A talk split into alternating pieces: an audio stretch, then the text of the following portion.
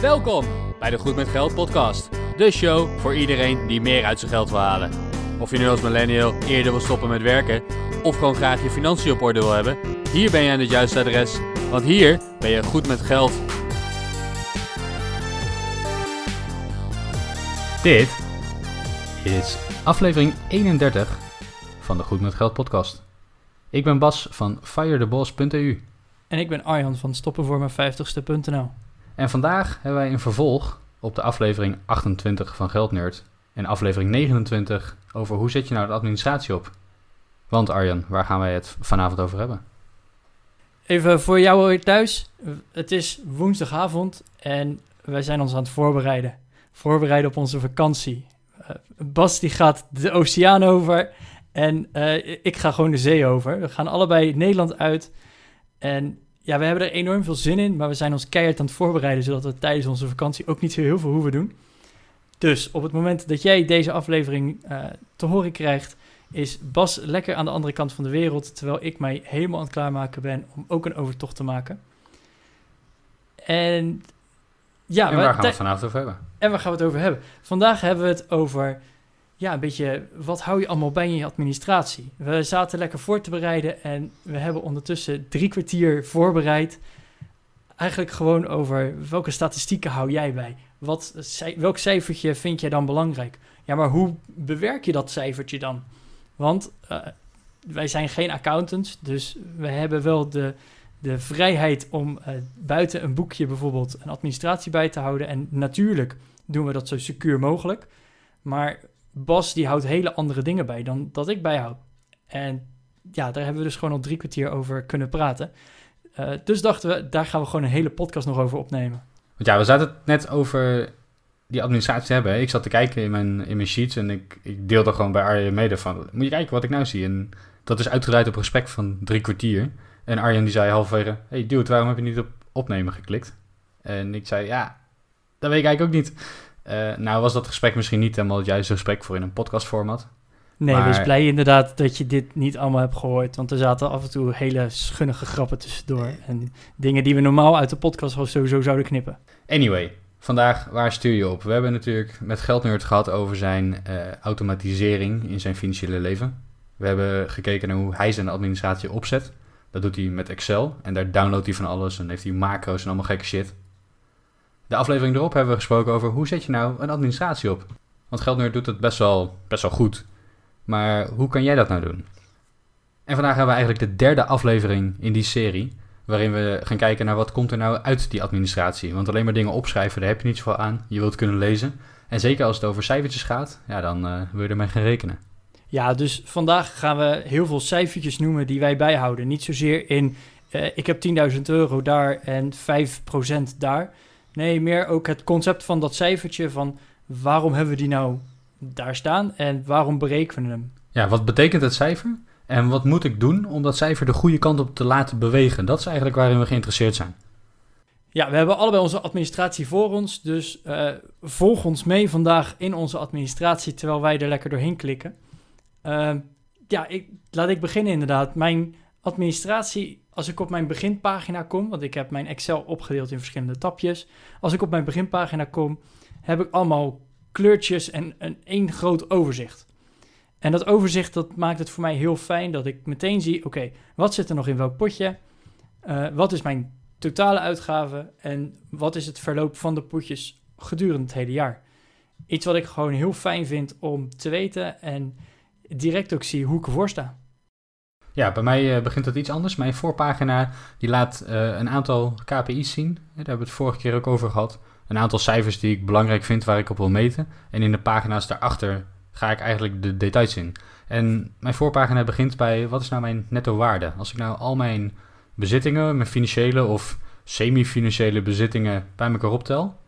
Wat is nou mijn netto waarde als ik daar van al die bezittingen al mijn leningen vanaf trek? En al mijn leningen, het valt mee, zo spannend is het allemaal niet. Het gaat om een hypotheek en een studielening. Maar als ik die ervan afhaal, dan blijft dus mijn netto waarde over. Wat ben je totaal nou waard? En als mijn beleggingen groter worden, dan neemt mijn netto waarde hopelijk ook toe. En als ik mijn hypotheek aflos, dan neemt mijn netto waarde ook toe. Dus op die manier kan ik gewoon zien wat ik, ja, wat ik waard ben. ja, bij mij is het ook weer net iets anders. Ik heb er een heel mooi cirkeldiagrammetje van gemaakt. Uh, het ronde cirkeltje is 100%. En daarbij heb ik dus heel mooi... Wat zit je nou mee te knikken, man? Taartdiagramma moet je... Taart moet je eten, niet uh, in Excel doen.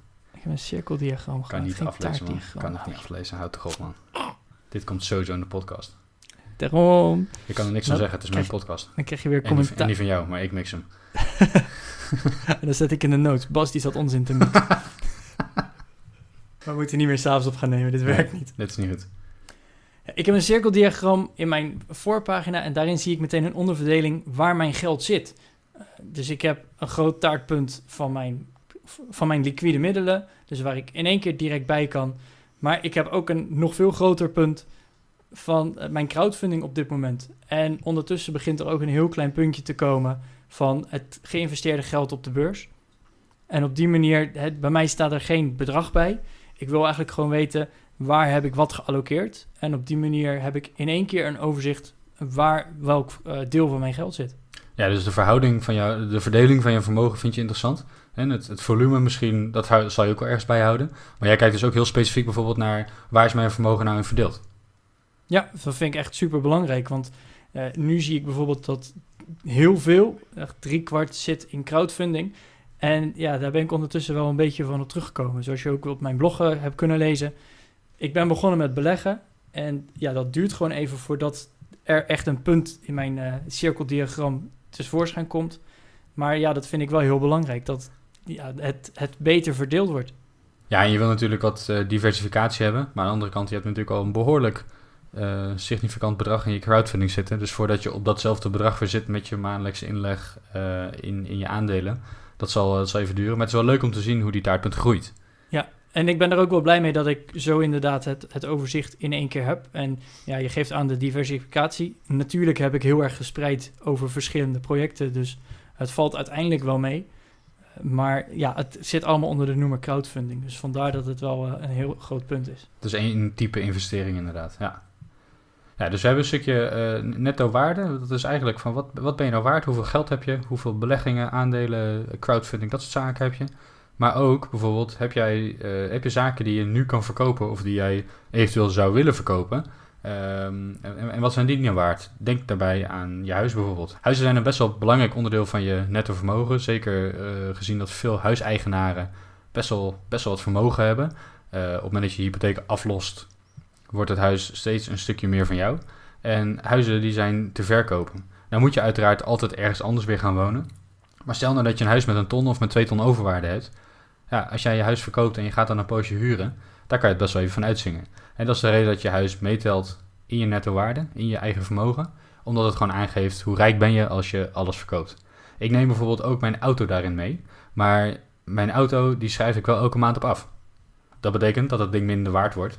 En die waardevermindering die neem ik absoluut mee. Dus elke maand staat mijn auto voor 200 euro minder bij mij op de balans. Ja, maar heel leuk. Hè? En, en, je auto vind ik eigenlijk al... Dat is gewoon een ding dat kost geld. En dat heb ik met mijn huis ook. Ik heb mijn huis echt nergens in mijn administratie tussen zitten. Uh, behalve de hypotheek die ik gewoon elke maand budgeteer en moet betalen. Uh, ik zie mijn huis veel meer als een, een kostenpost die er is. En of ik nou het huur of een hypotheek heb en, en dus een koopappartement, vind ik eigenlijk niet zo heel interessant. Het, het staat bij mij ook eigenlijk nergens opgenomen. En ja, ik heb er een, een, best wel overwaarde verwacht ik op. Dat weet ik eigenlijk niet eens zeker. Maar gezien de, de buren hem verkocht hebben voor een veel hoger bedrag dan dat mijn hypotheek is, ga ik ervan uit dat ik wel een overwaarde heb. Maar ik zie het veel meer als een, ja, zoals uh, Robert Kiyosaki dat zegt, een liability. Uh, het kost gewoon elke maand geld. Ja, Robert Kiyosaki is geen accountant, dat, uh, dat hoor je duidelijk. Maar nee, wat, je hebt er gelijk. Een, een huis kost elke maand geld, een auto kost elke maand geld. En dat staat ook netjes in mijn administratie op die manier. Maar als ik ga kijken, wat ben ik nou waard? Dan zou het niet eerlijk zijn om elke maand een paar honderd euro af te lossen op je hypotheek en die niet mee te tellen in je vermogen. Want dan zou ik veel beter, volgens die redenering, een uh, aflossingsvrije hypotheek kunnen nemen. En die paar honderd euro aflossing in mijn beleggingen steken. Want dat zou dan een veel beter resultaat hebben. En dat is natuurlijk, dat is natuurlijk niet waar. Uiteindelijk komt dat bedragje uh, tegemoet. Ja, en dat, dat vang je op deze manier af. Maar dus, dus eigenlijk een cijfer wat jij bijhoudt, wat ben jij waard? Absoluut, en dat is, dat is wat je netto waarde of je eigen vermogen, dat is precies wat dat cijfer zou moeten weergeven. Ja, daar ben ik het dus eigenlijk al niet mee eens. Want eh, wat ben je waard? Ja, misschien hoort je huis daar wel bij. Maar als ik kijk van, oké, hoeveel vermogen heb ik? Tel ik mijn huis weer niet mee. Nee, nee voor, mij is, voor mij is dat eigenlijk hetzelfde, hetzelfde ding. Ja, dat, dat is bij ons echt wel een verschil. Ook voor jou thuis even. Beslis voor jezelf wat je mee laat tellen. Uh, als, als Bas zijn vermogen of wat is hij waard uh, aan mij vertelt, dan is dat bedrag hoger dan uh, het bedrag wat ik opnoem. Maar bij mij zit bijvoorbeeld mijn huis er niet bij meegerekend. Dat zijn allemaal van die kleine puntjes waarmee je je eigen financiën toch wel een beetje kan sturen. Wat laat je wel meetellen en wat laat je niet meetellen? Ja, het gaat er ook niet om dat je dit soort getallen met elkaar gaat vergelijken. Dat kan je natuurlijk doen. Het gaat er veel meer om dat je dit soort getallen met jezelf kan vergelijken. En uiteindelijk, het, gaat er niet om of je in het kamp wel of niet je huis meetellen zit. Of dat je in het kamp aflossen of beleggen zit. Um, die keuze die, die heeft niks mee te maken met, ja, maar ik hoor daarbij of ik vind dat. Nee, die keuze heeft te maken met wat vind jij belangrijk. En een van de dingen die ik belangrijk vind, is dat mijn vermogen op lange termijn groeit. Dat dat lijntje zich naar rechtsboven toe beweegt. En als dat lijntje zich naar rechtsboven toe beweegt, dan doe ik blijkbaar iets goed. En dat kan zijn omdat ik misschien 20.000 euro uit mijn belegging heb opgenomen en in de aflossing van mijn huis heb geduwd. Ik wil dan niet dat dat lijntje naar beneden keldert, want op dat moment mijn vermogen op dat moment vlak gebleven. Het is verplaatst van mijn beleggingen naar mijn hypotheek.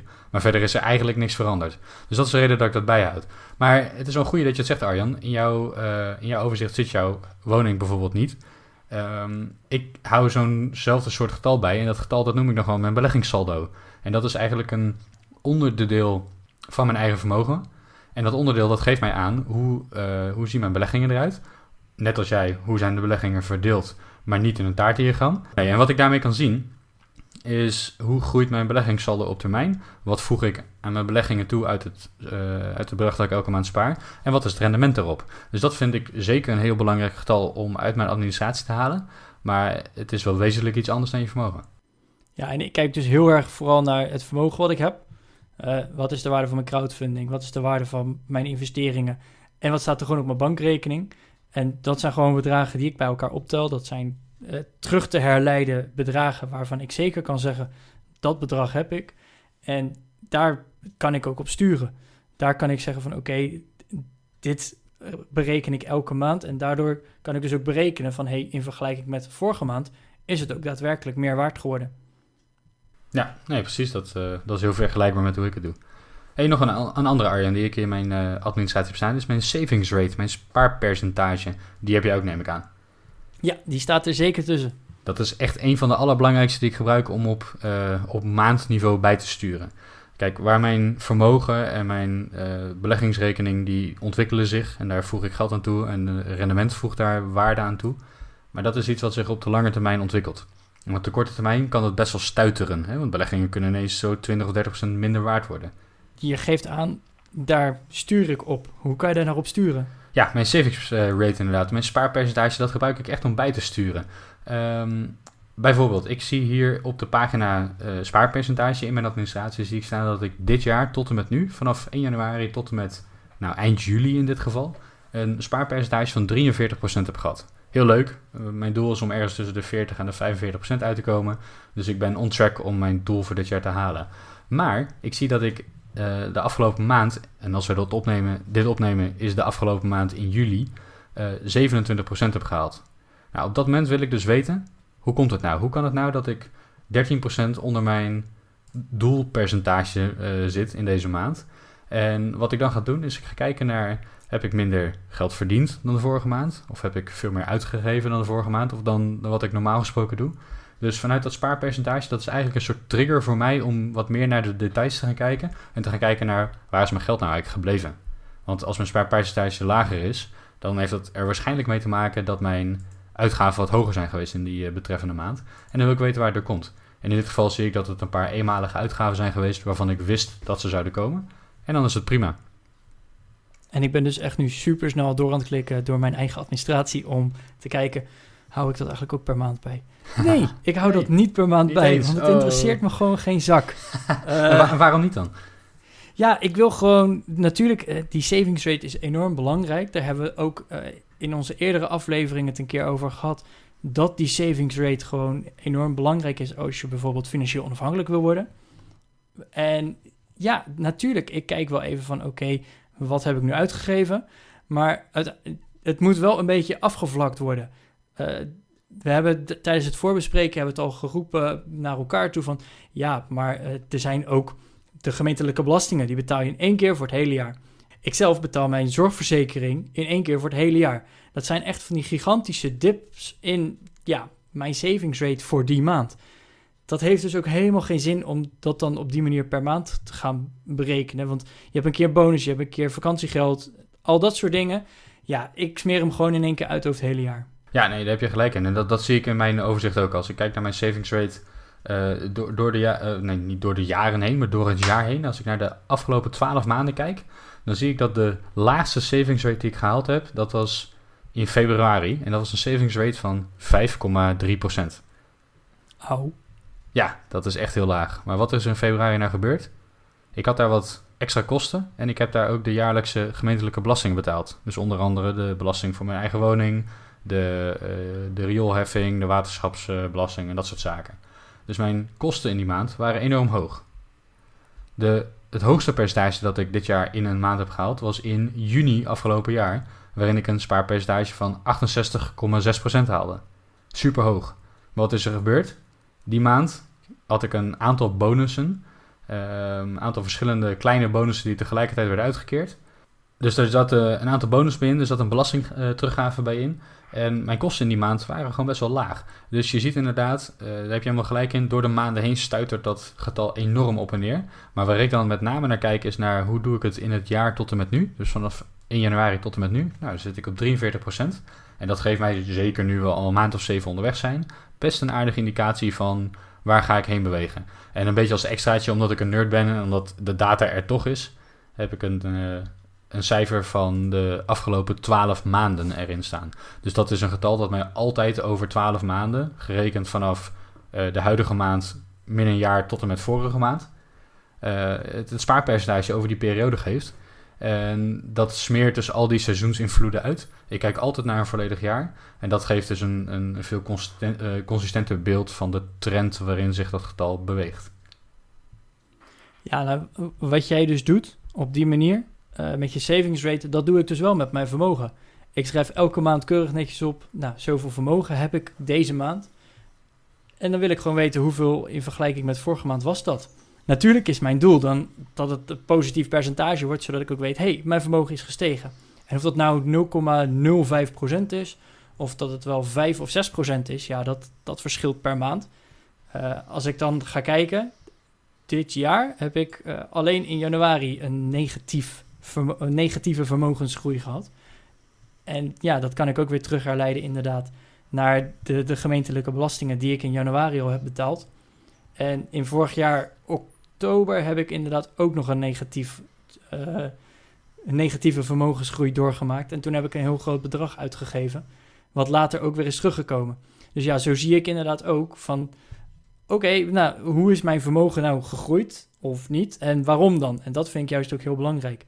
En daardoor kijk ik niet zozeer naar mijn savings rate, want dat kan gewoon gebeuren. Maar de schommelingen daarin zijn wel heel fijn inderdaad om te weten. Ja, precies. En als ik naar mijn vermogen kijk, naar mijn vermogensontwikkeling over de afgelopen jaren, dan zie ik dat ook. Ik heb ook netjes per maand daarin uh, het bedrag aan totaal vermogen staan. En in principe gaat het lijntje, dat kabbelt lekker vooruit en omhoog. En dat gaat dus over, de, de trend is daarin gewoon heel goed. Die gaat netjes omhoog. Ik word elke maand een klein beetje rijker, een klein beetje meer financieel onafhankelijk. Maar um, ja, er zijn best wel maanden tussen waarin het steeds wat minder wordt. Bijvoorbeeld als mijn beleggingen het slecht hebben gedaan. En aangezien een toch best groot gedeelte van mijn vermogen belegd is, ja, uh, het zou zomaar kunnen dat die beleggingen een keer uh, min 10 of min 15 of min 20 procent doen in een maand tijd. En ja, dat, dat raakt je vermogen best wel.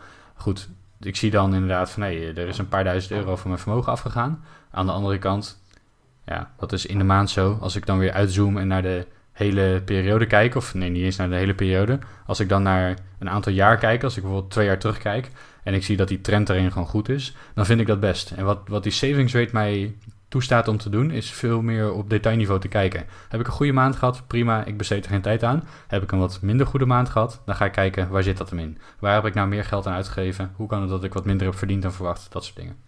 Ja, als ik inderdaad naar mijn plaatje kijk, want ik heb er keurig netjes een grafiekje uitgemaakt. Ik denk dat Geldner trots op ons is. Uh, zie ik twee keer een negatieve vermogensgroei van bijna 20%. Of één keer zelfs boven de 20%.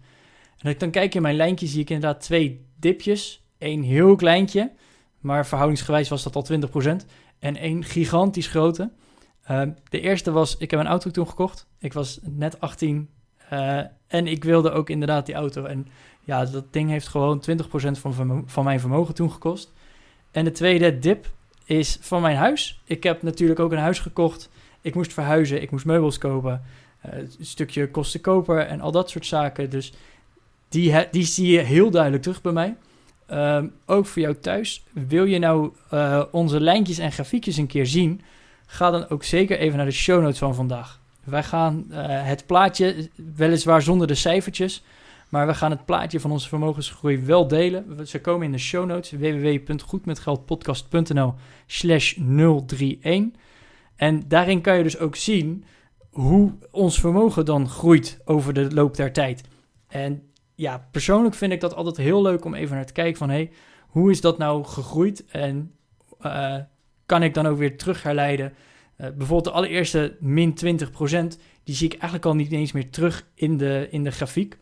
Uh, ik zal ze even ook markeren welke twee keer er min 20% is geweest. De eerste is super onopvallend en de tweede, ja, als je die mist, dan uh, moet je een keer naar de oogarts. en dat is best duur, dus doe dat niet. Nee, dan heb jij ook weer een dip dan ben je in niet goed met geld. grafiek. Uh, ja, heel goed. We hebben het gehad over vermogen, over uh, het, het, spaarpercentage. Spaarpercentage hangt natuurlijk heel erg samen met hoeveel je uitgeeft. En ik denk dat het een mooie is om, uh, om die paar even samen te brengen. Ik kijk bijvoorbeeld ook naar hoe financieel onafhankelijk ben ik nou. En als je niet houdt van cijfertjes en je bent niet echt een geldnerd, dan zou ik nu gewoon even een paar minuutjes uitspoelen in deze podcast. Dit kan een beetje nerderig worden. Heb je zin in wat wiskunde, Arjan? Zeker, kom maar op. Goed, ik wil graag weten hoe financieel onafhankelijk ben ik nou? En op dit moment werk ik fulltime, dus ik ben 0% financieel onafhankelijk. Nou, dat is natuurlijk niet helemaal waar. Ik ben druk aan het werk om financieel onafhankelijk te worden. En ik wil graag uitdrukken in een percentage, hoe ver ben ik nou? Goed, als je iets in een percentage wil gaan uitdrukken, dan moet je weten wat de 100% waarde is. Wanneer ben je financieel onafhankelijk? Dat is als jouw inkomen uit beleggingen, jouw passieve inkomen, gelijk is aan jouw uitgaven.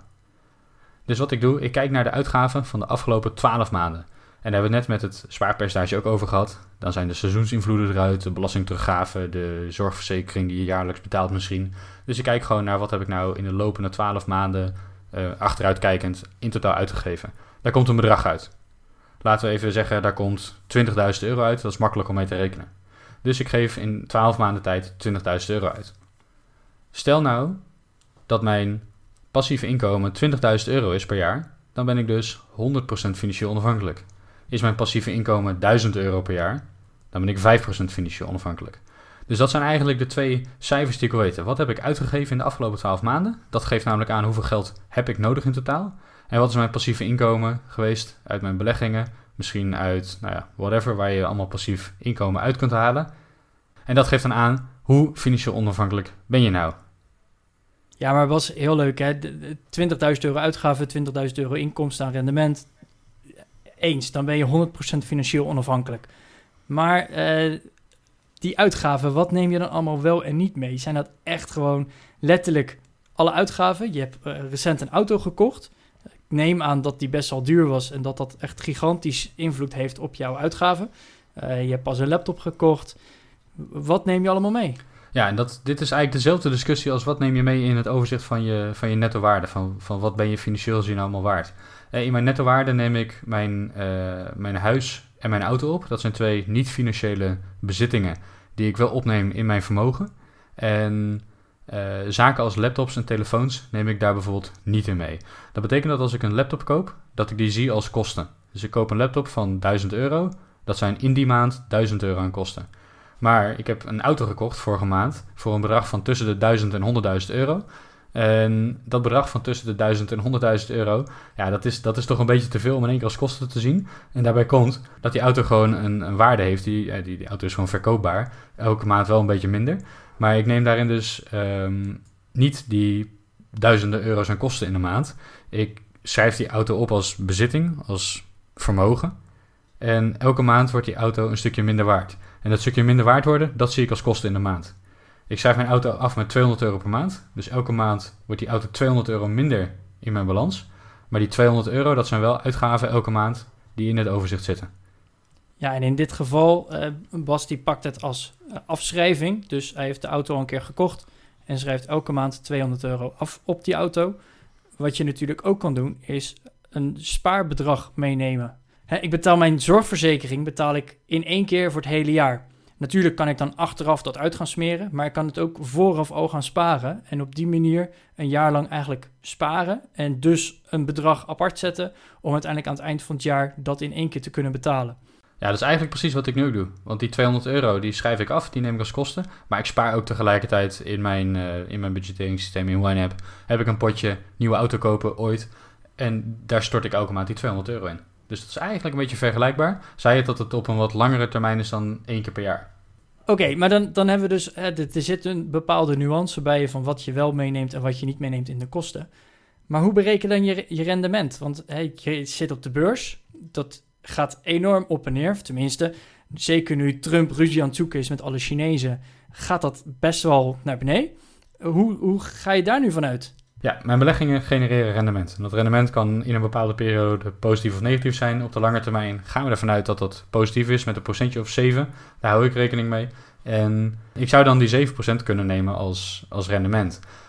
Dat is echter niet helemaal waar. We hebben uh, namelijk iets als een, uh, een sequence of return risk. Met andere woorden, het risico dat de volgorde waarin je positieve of negatieve rendementen laat zien, uh, dat, dat bepaalt best wel of je blut raakt of niet als je stopt met werken. En dat maakt dat je dus niet elk jaar 7% kan opnemen. Zelfs niet als je gemiddeld gezien op lange termijn 7% rendement maakt. Als je namelijk dat zou wel eerste, heel leuk zijn. Dat zou heel fijn zijn. Maar als je in de eerste paar jaren namelijk een negatief rendement haalt... en je blijft vrolijk die 7% opnemen van je oorspronkelijke bedrag... dan ben je echt met een paar jaar failliet. Hou je de eerste paar jaren dat je stopt met werken... een heel erg positief rendement van 20 of 30% in de plus... dan mag je 7% blijven opnemen en dan, dan word je enorm rijk. Dan, dan sterf je als een miljonair. Um, maar dat, dat risico, daar moet je rekening mee houden. En dat betekent dus gewoon dat je niet ervan uit kan gaan dat je elk jaar 7% kan opnemen, maar dat je minder opneemt. Nou hebben jullie misschien wel eens gehoord van de 4% rule. Dat is de safe withdrawal rate die ooit in Amerika een keer bedacht is. Het, veilige opnamepercentage. En die gaat ervan uit dat je een bepaald percentage van je beleggingssaldo, van je oorspronkelijke beleggingssaldo, gecorrigeerd voor inflatie, kunt opnemen met een minimale kans dat je blut raakt binnen 30 jaar. Ja, inderdaad. In Amerika is dat uh, de 4% rule. 4% wat je jaarlijks van jouw vermogen op kan nemen zonder dat je uh, echt blut gaat raken. Of de, de kans is heel klein dat dat gebeurt. Uh, in Nederland of in Europa wordt er vaak gesproken over 3,5%. Omdat hier de belastingregels ook iets anders zijn bijvoorbeeld. Daarover gaan we ook een hele andere podcast nog een keertje opnemen. Dus uh, blijf ook vooral daarom naar onze podcast luisteren, want hij komt vanzelf een keer voorbij. Absoluut. Uh, maar die safe withdrawal rate, daar ben je dus mee aan de haal gegaan. Ja, daar ben ik mee aan de haal gegaan inderdaad. Um, het is wel leuk om even te noemen. Ik heb er een keer een artikel over geschreven. Uh, zet een goede kop thee als je hem gaat lezen, want het is een redelijk lang artikel met een hoop voorbeelden geworden. en ik ben door de vrienden van de Financial Independence Euro podcast ook geïnterviewd in aflevering 52 uit mijn hoofd. Maar daar gaan we wel naar link in de show notes. Dus als je een keer uh, eh, 30 of 40 minuten de tijd hebt om naar mij in het Engels te luisteren, daar gaat het over de safe withdrawal rate en of de 4% regel, of die wel haalbaar is voor Europeanen. Nou, ik denk persoonlijk van niet, dus ik hou in mijn rekensom rekening met 3,5%. En de reden is inderdaad dat wij een stukje uh, extra belasting betalen, of eigenlijk een soort ander soort belasting betalen dan de Amerikanen. Maar ook dat ik een langere uh, nou retirement heb, om het even zo te noemen. Ik ga ervan uit dat ik, dat ik langer dan 30 jaar van mijn beleggingen moet leven. Dus ik wil eigenlijk een stukje extra marge inbouwen. Vandaar dat ik met 3,5% reken en niet met 4%. Dus wat rest ons dan? Mijn passieve inkomen is 3,5% van mijn beleggingswaarde. En mijn beleggingen zijn, uh, weet ik veel, die zijn een bepaald bedrag waard. Die zijn misschien 55 of 60 of 100.000 of een miljoen euro waard. Dat maakt allemaal niet uit. 3,5% ervan, dat is mijn passieve inkomen. Dat passieve inkomen, dat delen we weer door de kosten die je in een jaar maakt, of door de uitgaven die je in de afgelopen 12 maanden hebt gedaan. En dat brengt je op een FI-percentage. Hoe financieel onafhankelijk ben je nou? Dus Arjan, hoe financieel onafhankelijk ben jij? Ik ben, als ik even naar de afgelopen 12 maanden ga kijken, naar mijn uitgaven, inkomsten en al dat erop en eraan, eh, zet ik in mijn manier van berekenen op eh, een goede 15%. En hou je rekening met 3,5% of met werkelijk rendement? Ik hou op dit moment bij crowdfunding in ieder geval rekening met re- werkelijk rendement. Dat is een Ehm, stuk minder bewegelijk dan op de beurs natuurlijk. Zeker, zeker. En eh, natuurlijk, alle afschrijvingen zijn hier wel al vanaf. Ehm, op het moment dat ik inderdaad de beurs mee ga rekenen, want die zit hier nog niet helemaal goed in verwerkt. Als ik die mee ga rekenen, dan zou ik inderdaad de 3,5% aan gaan houden. Ehm, maar bij crowdfunding is dat gewoon nog heel lastig. En deze, om heel eerlijk te zijn, deze berekening heb ik een paar jaar terug al opgezet. En toen had ik eigenlijk nog nooit van de safe withdrawal rate gehoord. Dus die moet ik ook allemaal nog in gaan voeren. Uh, maar op basis van het rendement wat ik uh, in het afgelopen jaar heb gehaald, uh, zou ik daar 15, ruim 15% van mijn jaarlijkse kosten van mee kunnen betalen. Nou, dat is bijna twee maanden. Ik denk dat, dat je een week of zeven of acht daarmee al redt. Dus dan de eerste twee maanden van het jaar hoef jij niet te werken. Heerlijk. Dat is lekker, man. Ja, mijn getal die zegt nu op dit moment 9,03%. Super dus jij redt het vijf weken? Dus ik red het een weekje of vijf inderdaad, ja. En dat, uh, nou, dat klinkt wel fair. Mijn, mijn spend van het afgelopen jaar, of van de afgelopen twaalf maanden, is wat hoog. Omdat ik uh, iets van tien of elf maanden geleden een laptop kocht. Dat is een laptop van uh, iets meer dan 2000 euro. En zoals ik al aangaf, ja, die pak ik gewoon als kosten in, in die maand. Dus dat betekent dat, ik, ja, dat mijn, mijn 12 maanden totale kosten, die zijn op dit moment nog wat hoger dan ze normaal zijn. En over een tijdje valt die 2000 euro eruit van die laptop. En ja, dat heb je als je duur fruit koopt. Dat heb je als je duur fruit koopt. Maar fruit zit vol met vitamine, dus dat is goed voor je. Um, nee, maar die, uh, die valt er binnenkort uit. En uh, ik hoop met dit, uh, met dit appeltje voor de doors nog een jaar of vijf of zes te kunnen doen. Ja, dat betekent dat ik voorlopig die spend niet ga krijgen. En dat mijn FI-percentage daardoor iets omhoog zal schieten. En daarnaast blijf ik elke maand braaf sparen en beleggen. Dus dan komt dat wel goed. Ja, ik zie inderdaad, als ik even naar mijn administratie kijk... mijn FI-percentage stijgt inderdaad een aantal procent per jaar. Dat is inderdaad ook wel heel tof om te zien. En wij zijn best wel een beetje nerderig. En wij houden heel erg van de cijfertjes en de overzichtjes. En zien dus ook heel graag onze vooruitgang in ons vermogen of in onze percentages. En willen dus ook die vooruitgang terugzien op het beeldscherm. En ja, hoe je dat precies doet, dat ja, natuurlijk, het maakt uit. En natuurlijk, je moet het natuurgetrouw aanhouden. Maar of je dan, net zoals Bas, je hele huis meeneemt in de berekening hoeveel je waard bent of dat je dat helemaal niet doet, zoals ik. Om dan inderdaad te kijken van, ja, maar hoeveel geld heb ik nu daadwerkelijk? Wat is mijn vermogen? Ja, dat maakt uiteindelijk helemaal niet uit. Zolang je het maar consequent doet. Want op het moment dat je het consequent doet, dan kan je pas echt gaan berekenen van, hé, hey, wat is de verhouding met bijvoorbeeld een jaar geleden? Ja, precies. Je moet het consequent doen. Je moet met jezelf vergelijken en je moet zorgen dat er een verbetering in zit. Als je nou ziet in die cijfers, want dat is uiteindelijk waarvoor we het doen, dat er geen verbetering in zit, dan moet je bijsturen. Dus hoe je het gaat doen, dat moet je lekker zelf weten. Laat het ons weten in de show notes op www.goedmetgeldpodcast.nl slash 031, want we zitten in aflevering 31. Laat het ons weten, stuur ons een e-mail naar gmg.goedmetgeldpodcast.nl of uh, stuur ons een berichtje op Twitter of Facebook. Want wij zijn heel erg benieuwd naar hoe jullie dit doen. En ja, wie weet kunnen we daar weer mooie informatie uithalen die we dan ook weer met jullie kunnen delen. Ja, want wij krijgen echt superleuke reacties. Wij kregen afgelopen week een e-mail van iemand die aan het backpacken is aan de andere kant van de wereld. Super tof en we hebben een heel verhaal gekregen en daar gaan we dus ook nog een keer op terugkomen. Maar we vinden het sowieso heel leuk om jullie verhaal ook te zien en te horen en te lezen. Dus uh, reageer vooral. Daarop kunnen wij ook weer nieuwe podcast uh, bouwen en alle nieuwe onderwerpen verder uitdiepen. Want ja, ook wij zijn nog steeds op zoek naar gewoon de tofste onderwerpen waar we jullie mee kunnen helpen. Uh, daarmee proberen wij heel Nederland goed met geld te maken. Natuurlijk kan jij dus ook inderdaad de podcast goed maken door inderdaad te liken, te delen en het vooral te luisteren. Alle podcastproviders houden het allemaal bij, dus daar help jij ons ook weer mee. En op die manier helpen we elkaar. Ja, en dat is heel goed als je elkaar kan helpen. Het is niet alleen met elkaar helpen doordat je iets kan lezen en kan luisteren. Maar op het moment dat jij ons een reactie stuurt met hoe jij het doet. En wij vinden dat zo'n tof idee dat wij het er in de podcast behandelen. Dan heb jij straks weer een paar duizend Nederlanders beter met geld gemaakt. In de show notes vind je allerlei links en ook de plaatjes die Arjan en ik in onze administratie hebben. Dus als jij op zoek bent naar die grafiekjes, dan vind je die in de podcast show notes. Wij vonden het heel tof om dit te doen vandaag. En we zien jullie volgende week weer. Tot volgende week.